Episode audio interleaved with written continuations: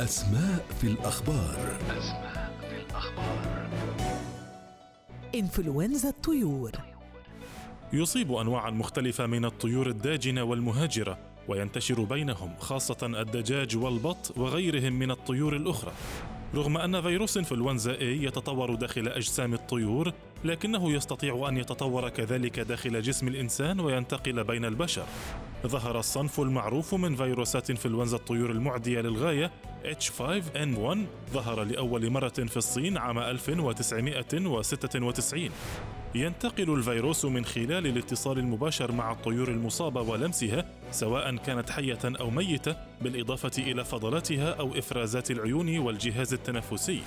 يستطيع الفيروس أن يعيش تحت درجة حرارة منخفضة جدا ثلاثة أشهر في الوضع الطبيعي وثلاثين يوما إذا كان في الماء يموت الفيروس مباشرة تحت تأثير درجة حرارة عالية بالتالي لا ينتقل عبر الدواجن أو البيض المطهو جيدا على خلاف الدجاج فإن البط معروف بمقاومة الفيروس حيث يعمل كناقل دون الإصابة بأعراضه.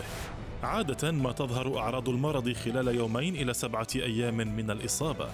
تشبه أعراضه الإنفلونزا الموسمية، وفي حال عدم الحصول على العلاج المناسب يمكن أن تصل المضاعفات إلى التهاب رئوي وتوقف التنفس. يجب أن يؤخذ العلاج المضاد للفيروس في غضون يومين بعد ظهور الأعراض.